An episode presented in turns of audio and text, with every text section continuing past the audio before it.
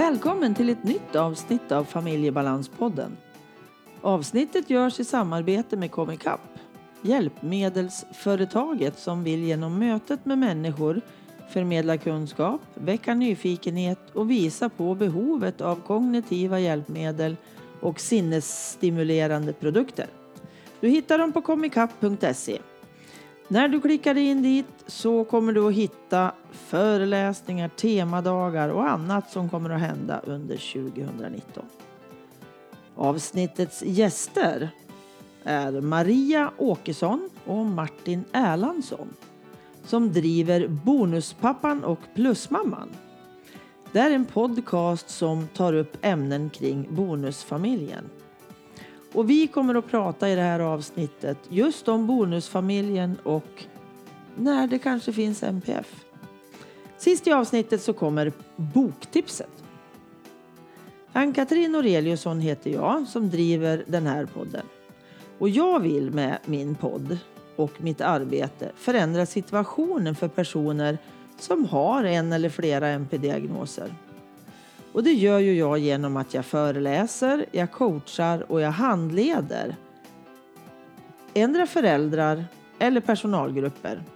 Och allt det här gör jag för att jag vill öka kunskapen och att det ska bli bättre förhållningssätt runt MPF. Och du vet väl att eh, du som är anhörig till någon med tvång kan gå en webbkurs hos mig och Familjebalans. Och där får du lära dig vad tvångssyndrom är, hur du som anhörig ska göra och vad det finns för hjälp. Det sker starter av den här kursen löpande under 2019. Och var du än befinner dig så kan du gå den här kursen. Även om du bor ända bort i Kanada. För en av deltagarna var boende i Kanada som var med i förra omgången av kursen. Och jag är så innerligt glad att jag får hjälpa till i en extremt svår situation som det är att vara anhörig när det finns tvång i familjen. Om du går in på familjebalans.se så under tjänster i menyn, där hittar du mer att läsa om den här webbkursen. Men nu kör vi! Välkommen in att lyssna på Maria och Martin.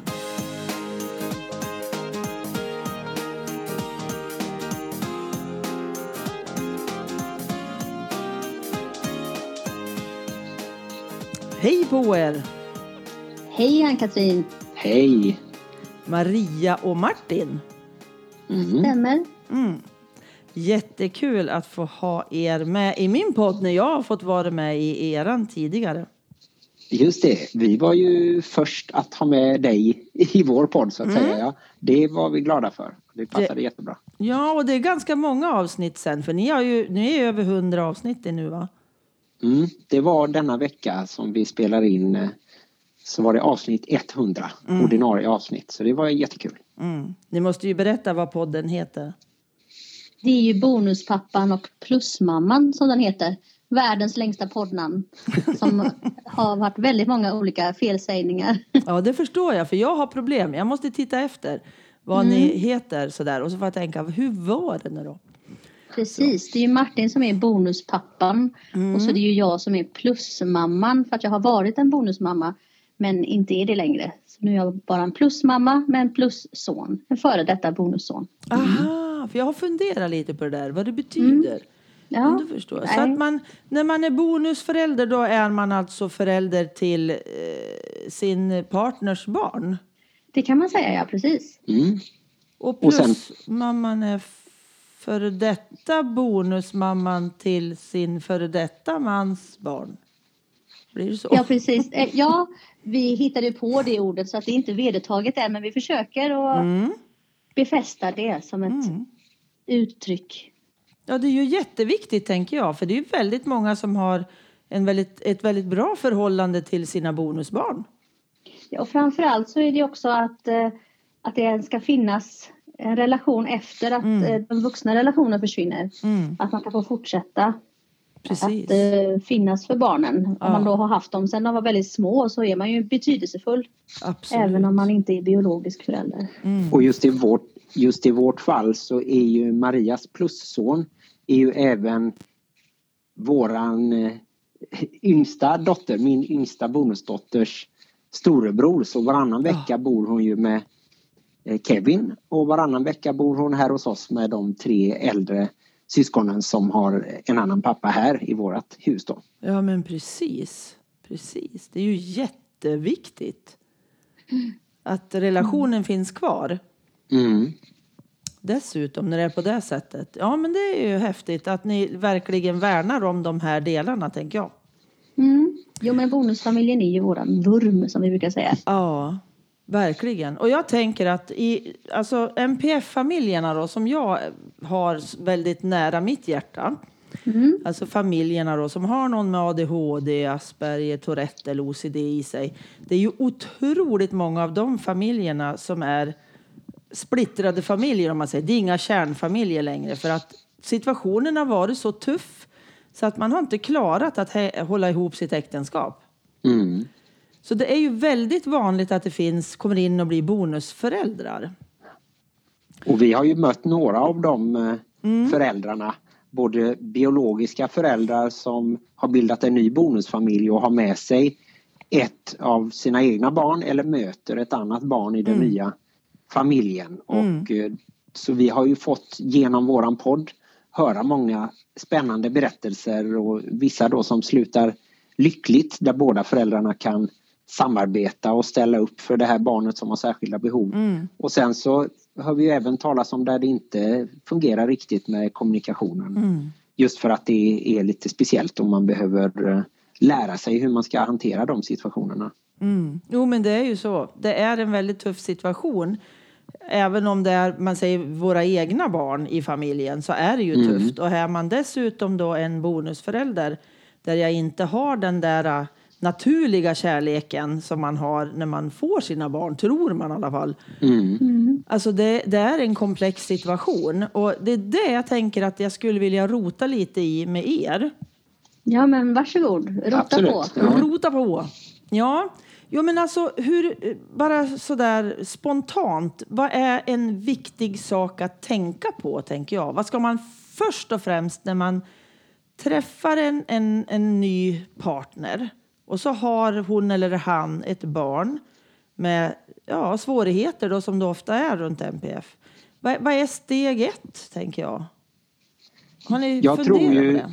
Ja, jag tror, jag som då bara är bonusförälder, mm. jag har inga egna biologiska barn.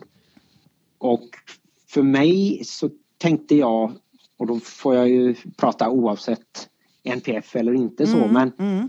barnen kommer ju, kommer ju på köpet. Och jag, jag har hela tiden tänkt att barnen kommer alltid vara viktigare för Maria än vad jag är för henne. Mm. Mm. Och jag måste acceptera det att jag på ja. ett sätt har en andra plats eller en plats lite vid sidan. Mm. Så jag ska inte, det ska inte vara någon konkurrens där utan barnen måste få komma först.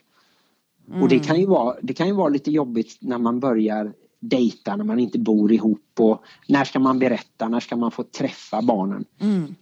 Men jag har på något sätt hela tiden sett det här eh, långsiktigt och då måste jag ju vara mig själv. Mm. Mm. Så det har varit min första grej att eh, acceptera det läget och, och, inte gå på för mycket. Mm. Det vi har märkt när vi har pratat med föräldrar som har barn med någon slags diagnos det är att de har varit så vana vid att hålla i allting och vet mm. exakt vad, vad det här barnet behöver och vad den här var, hur reagerar i olika sammanhang. Så det kan vara ännu lite svårare för mm. en förälder då att släppa in en mm. ny bonusförälder. För det har ju vi alltid sagt att det är så viktigt att släppa in bonusföräldern. Mm. Att våga lita på den, att den klarar av saker och att den får hitta sin egen metod och egen roll. Och det tänker jag kan vara lite svårare då när det har med barn som har speciella behov att göra. Mm. mm. Jag har ju haft tur som har blivit insläppt väldigt tydligt. Innan mm. vi flyttade ihop så sa Maria det att jag vill inte göra något nytt försök med en bonusfamilj där vi inte känner att vi hör ihop. Så ska det vara att vi flyttar ihop nu och satsar på det här då får det vara som om vi är en kärnfamilj. Mm. Och det, det, är många experter som inte rekommenderar det men för oss att tänka så att jag delar allting. Jag tar halva ansvaret oavsett om det gäller eh, rena praktiska saker eller eh, känslomässig närhet eller ekonomi mm. så ska jag vara som om jag hade varit en biologisk förälder eller adoptivförälder, ursprungsförälder. Mm. Okej. Okay. Det är häftigt. Mm. Mm. Sen, så, sen så tror jag vi intervjuade ju Bo Heilskov Elfven mm. och han sa att de i Danmark hade ett uttryck som jag också tyckte var bra som var rephållare. Åh, oh, jag älskar att, det. Mm. Ja, har man då med sig barn båda två så kanske man har lite extra ansvar så att mm. då kanske man inte delar 50-50 utan 60-40 eller 70-30 eller någonting. Mm. Men jag som inte har några egna barn och det tror jag att barnen också vet att de är nummer ett för mig. Mm. Så jag kan ju kanske agera lite annorlunda än om jag hade haft barn med mig in då. Mm. Sen tror jag att det är viktigt också att man eh, vågar testa att kanske då möta barnen, eh, kanske till och med bo ihop. Men om det inte funkar så tror jag att det är viktigt att man vågar ta ett steg tillbaka och tänka nej det här funkar inte så bra.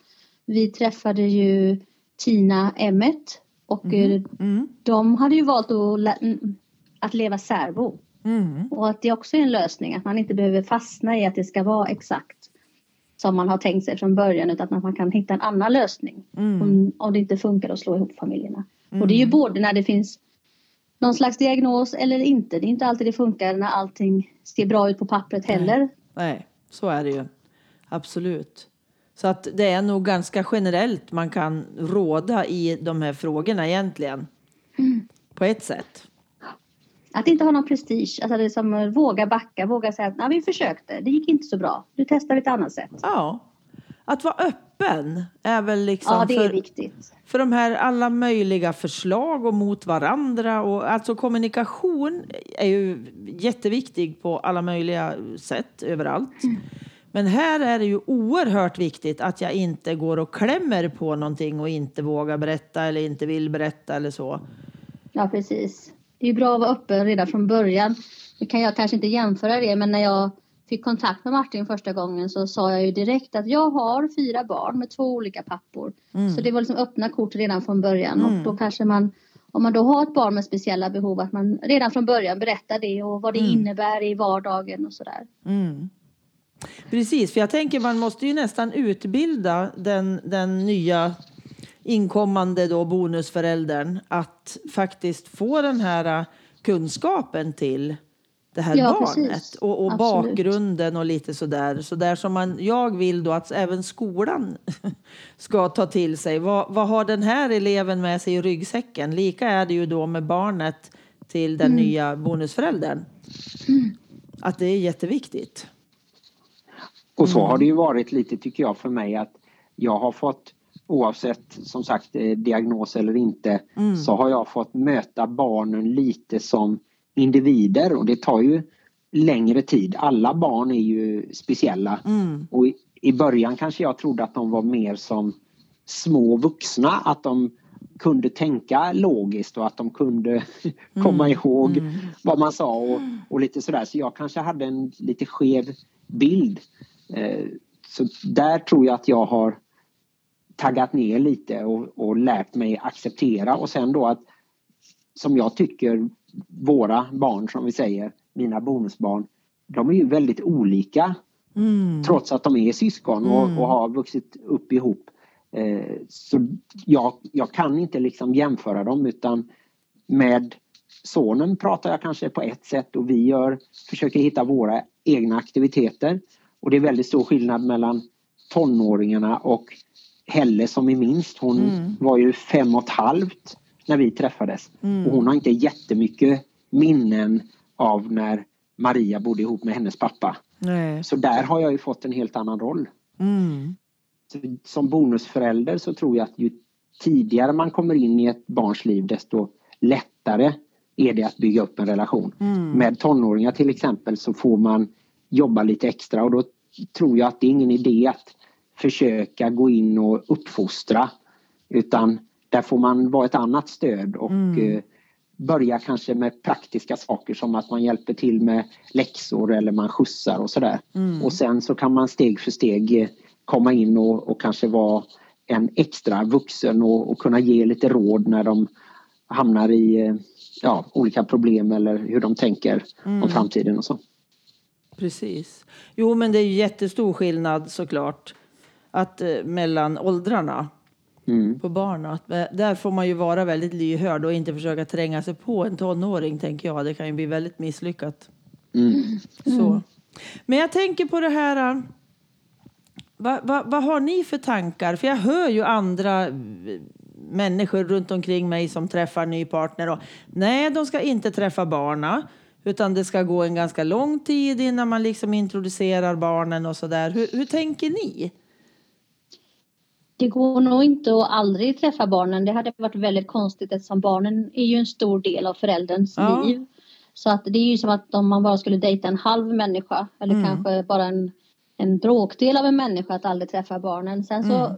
tvistar ju då de lärde om när man ska träffa barnen och i vårat fall så träffade Martin barnen väldigt tidigt. Mm. Och eh, det råkade bara bli så. Och det är ganska många som har haft det eh, bra möten. Det är de som kanske inte planerar så mycket utan de kanske då inom citationstecken råkar stöta på varandra på en lekplats eller mm. råkar finnas där och så kanske man fikade tillsammans och sen Sen tror jag att man ska vara öppen med barnen också. Jag, en del har ju sagt så här, det är bara mammas eller pappas kompis. Mm. Jag tycker nog att det är bättre att vara öppen med barnen och säga som det är att det här är en speciell person som kommer att finnas i mitt liv och så. Mm.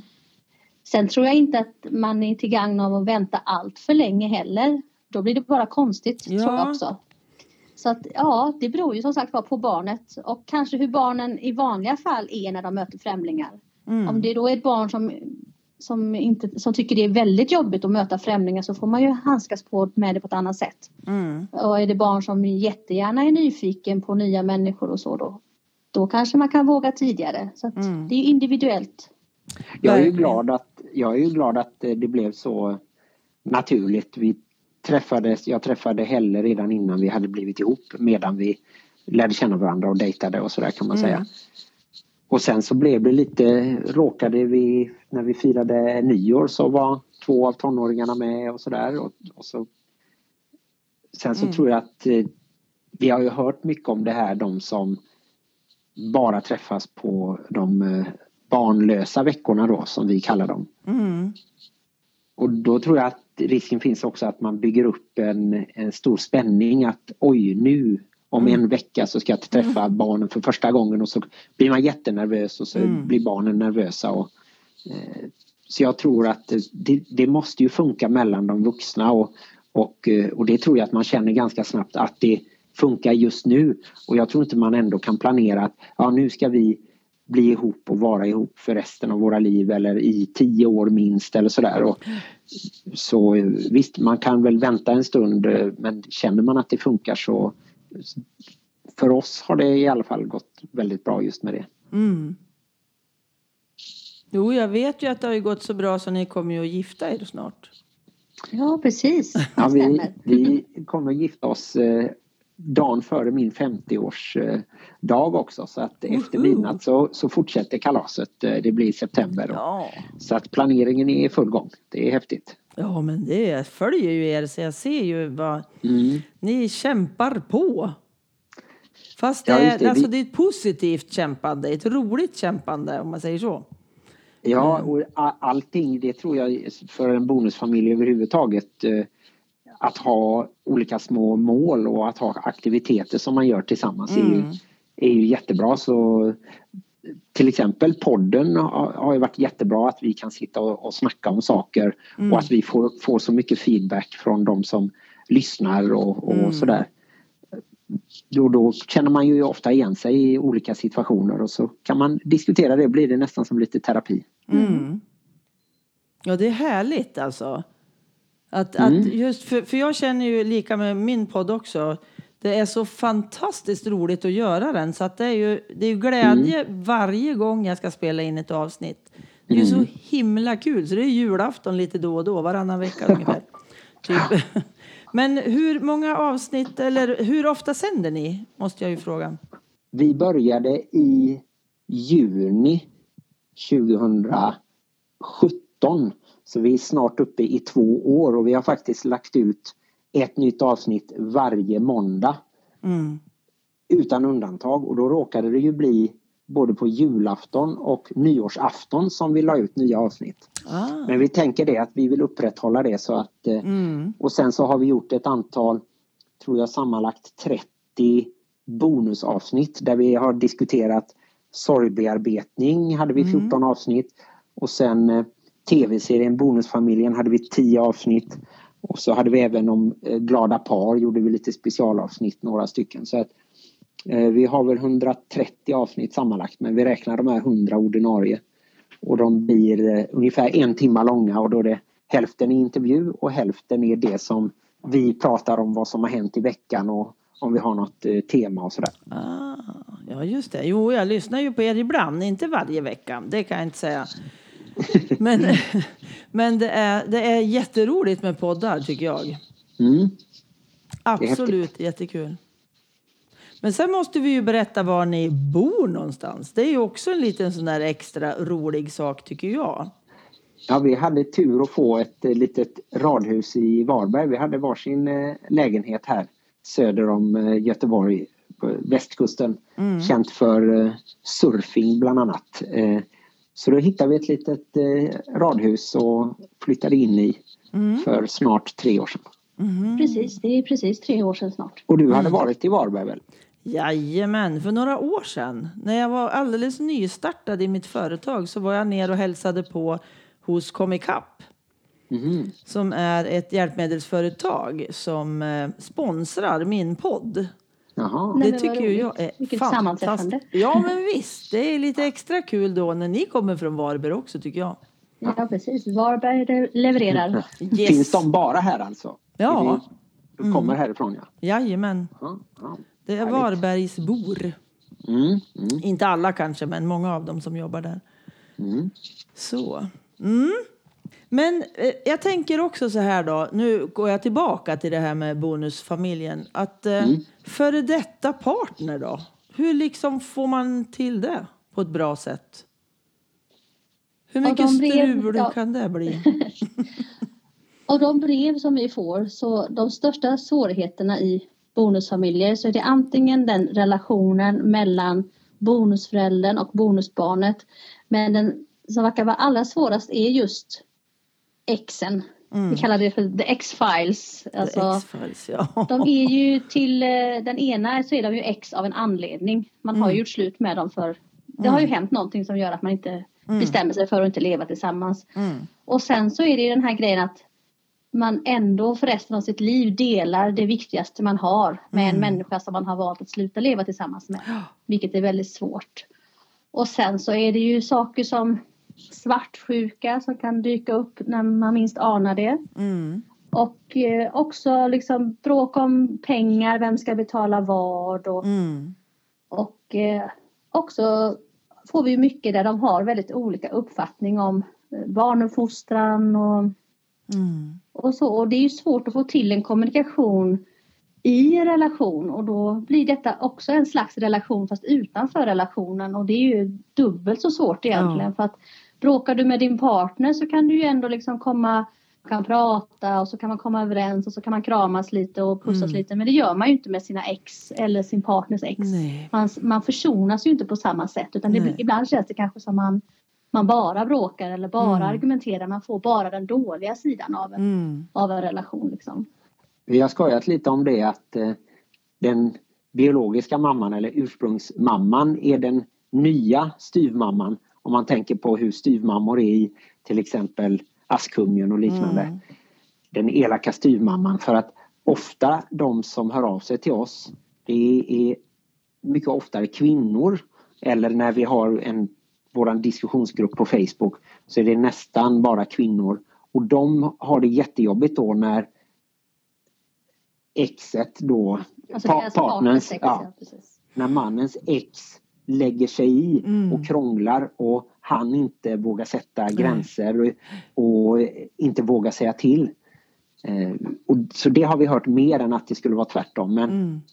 men för mig, jag har ju då två biologiska pappor som jag måste förhålla mig till. Mm.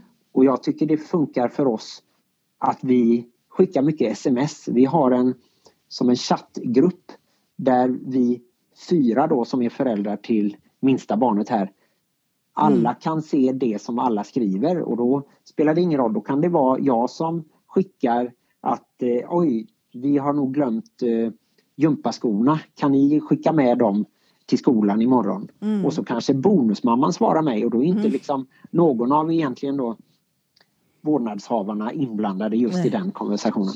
Och det tror jag också hjälpte mig då och den biologiska pappan att, att bete oss lite mer vuxet när vi mm. visste att vi hade liksom ögonen på oss. Vi kanske, mm. Om vi hade bara smsat varandra så kanske det hade blivit ännu mer pajkastning och mm.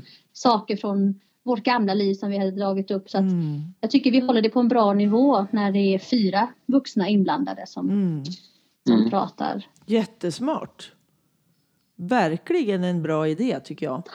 Ja, och sen så när, just när det inte funkar och man verkligen tycker att man har testat allting och man har pratat med sin partner och sådär så, så tror jag att mycket hänger på ändå vad man gör liksom i sin egen familj. Du kan aldrig styra någon annans familj Nej. eller en annan människa.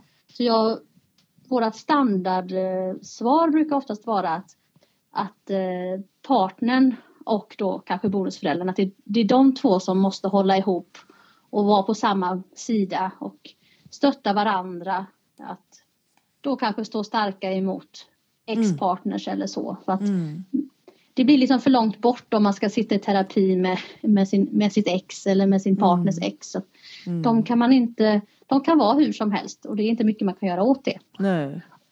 Och det kan vara väldigt frestande att skylla på en biologisk förälder om relationen med bonusbarnet inte funkar. Att mm. jag skulle kunna säga att ja men det är, jag får ingen kontakt men det beror bara på hans eller hennes pappa att de är så dumma eller att de snackar skit om oss och så men jag måste själv ta ansvar för den relationen och mm. jag och min partner Maria, den biologiska mamman i det här fallet då. Mm. Vi måste först bestämma oss. Mm. Så alla beslut tycker jag ska tas av de vuxna separat och sen mm. så får man då meddela det till eventuella ex eller barnen. Mm. Sen så har man ju alltid med barnen i alla diskussioner. Det, det har ju vi allt från enkla saker vad man ska äta till middag och mm. kanske om man har råd att göra någon semesterresa, hur man ska lösa det och sådär. Mm. Men det är ändå de, de vuxna måste liksom prata ihop sig mm. eh, och, och, inte bråka inför barnen och inte snacka skit om de andra föräldrarna Nej. inför barnen. Utan Precis. hålla det separat. Mm, jätteviktigt tänker jag. Att det verkligen, att man håller det för sig själv. Faktiskt. Ja, ja men absolut. Mm. Det, det gagnar aldrig. Nej. Oavsett hur rätt man då, om man ska säga inom situationstecken, skulle ha haft så kommer man aldrig att vinna den fighten. Så det är ingen idé att gå in och smutskasta Nej, någon precis. annan förälder i det här sammanhanget. Nej. Och jag tänker att ibland är det ju enorma svårigheter i mina familjer då, om jag säger. Mm. Att den ena, ofta mamman, vill utreda för att det finns stora svårigheter. Men mm. pappan vill inte.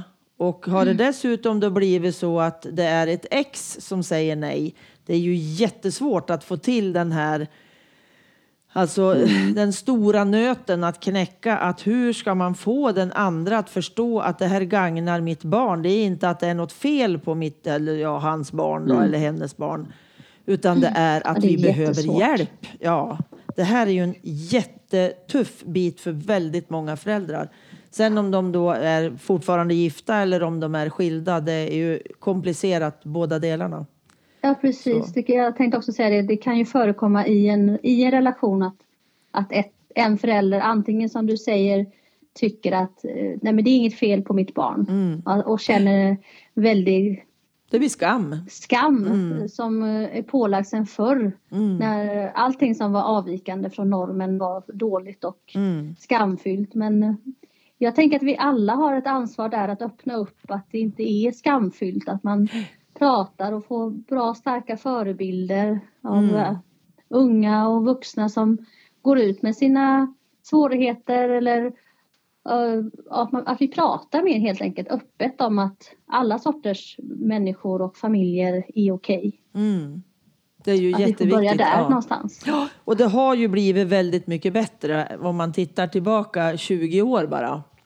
Så är ju skillnaden idag att prata psykisk ohälsa på ett helt annat plan. Mm. Och det är ju fantastiskt skönt tycker jag att det faktiskt är så. Ja, och även om man då ska prata om när det uppstår problem i relationer så pratar vi ofta om att blanda in en tredje part. Om mm. två inte är överens att det är okej okay att blanda in en tredje part och många speciellt kvinnor om vi då ska generalisera är mm. beredda på det men fortfarande så är det många män som tycker att nej varför ska vi gå och prata med någon mm. annan och, och, allt det här. Att, så att det tycker jag också är viktigt att det är helt okej okay att blanda in en, mm. en eh, utomstående som kan se saker på ett annat sätt om mm. inte två vuxna är överens. Jo men precis.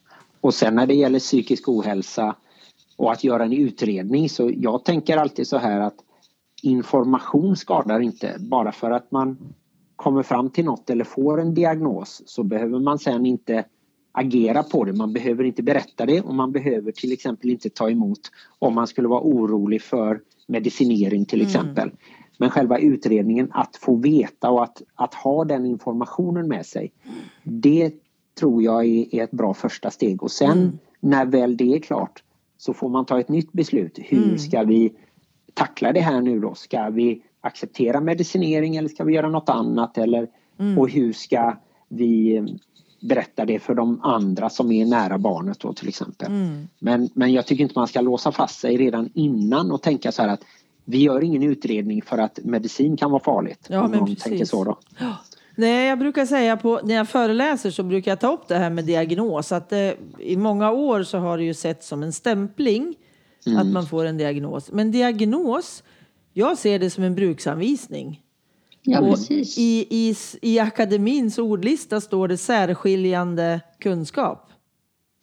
Och det är ju mm. precis mm. det. Vi vill ju veta vad är det som särskiljer det här. Varför fungerar det inte eller varför är det här ett problem runt den här individen? Det behöver ju inte vara ett litet barn, det kan ju lika gärna vara en vuxen. Mm, och, som inte har fått uh, utredning ja, som barn till ja, exempel. Precis. Och jag menar utredningen kan ju visa till exempel att ett barn inte har ADHD. Ja. Och det tänker jag att, att veta det att för det, det kan vara lätt att skylla på att ja men han eller hon gör ju så. Ja det är bara för att de mm. nog har ADHD. Mm. Får man då reda på att de inte har det då kanske det finns något annat mm. trauma eller någonting som man kan få, få hjälp eh, för. Så, och då har man inte kvar det att bara skylla på och inte göra någonting. Nej. Nej, det är viktigt tycker jag också att, att faktiskt försöka få det så bra som möjligt för barnet. För det är ju mm. det det handlar om. Vi vuxna även, ja. är ju inte de viktigaste just då tycker jag. Då är det ju faktiskt barnet som behöver få, alltså få de rättigheter som det har. Tänker jag.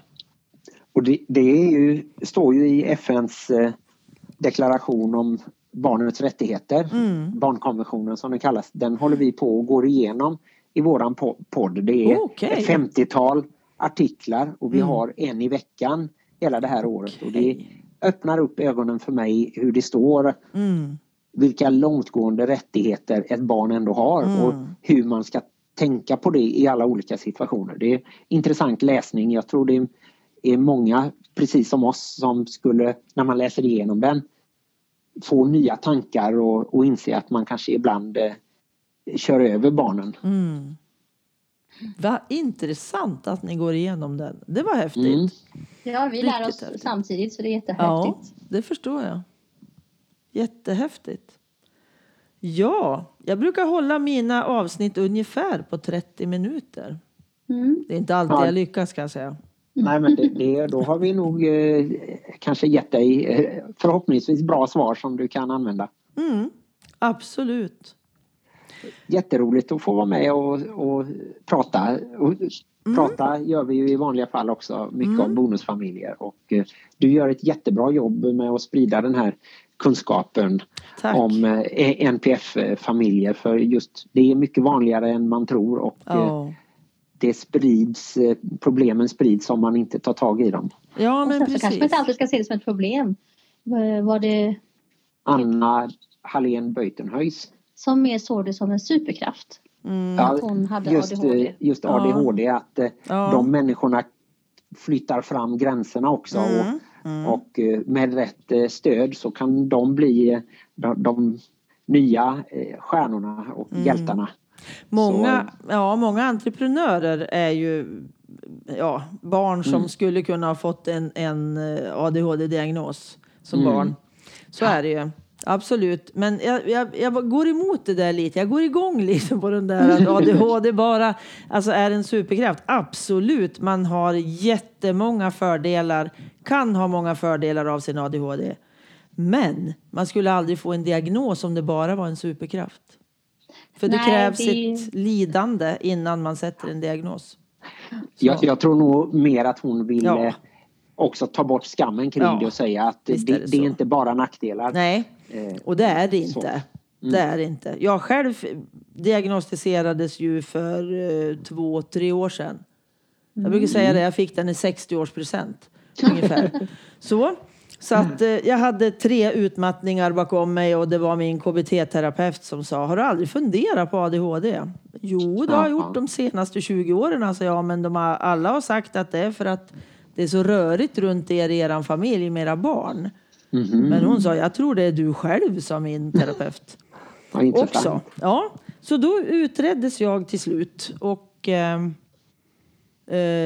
det var väldigt spännande att göra utredningen. För att min psykolog som jag hade då, som jag hade mycket samtal med.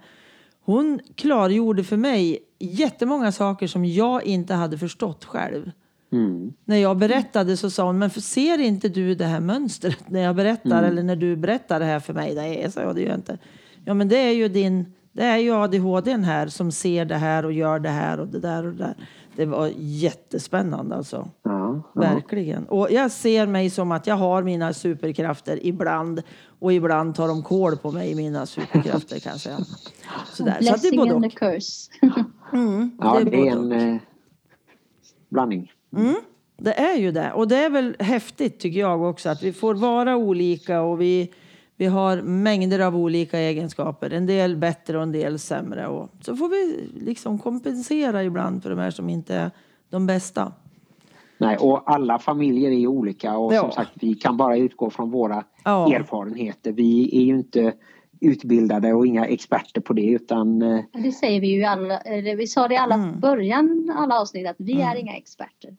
Nej, men alltså erfarenhet tycker jag är eh, lågt rankat, rankad många gånger. Att för många gånger så ses man som, har man en utbildning så är man bättre än alla andra. Och jag tycker inte det, för jag tycker erfarenhet ofta ger väldigt mycket mer än bara en utbildning. Och jag menar empirisk kunskap, det är mm. ju faktiskt ett begrepp inom vetenskapen ja. så det är li, lite får vi väl räkna. Ja, det tycker jag. Det tycker tack, jag absolut. Tusen tack för att jag har fått eh, intervjua er eller samtala med er ska jag säga. Jag tycker det är roligare att kalla det för samtal. Tack Under... för att vi fick vara med i din fina podd. Mm, tack så mycket. Ja, det har varit jätteroligt att vara med. Och så eh, meddela innan du kommer ner till Varberg nästa gång så finns det en kopp kaffe och ett nytt samtal som väntar på dig. Yes! Det låter jättebra. Nu får jag ju se till att jag ska hälsa på och komma ikapp igen då. Just det, det är bra. Träffa er. Ha det så bra. Ha det bra. Hej då.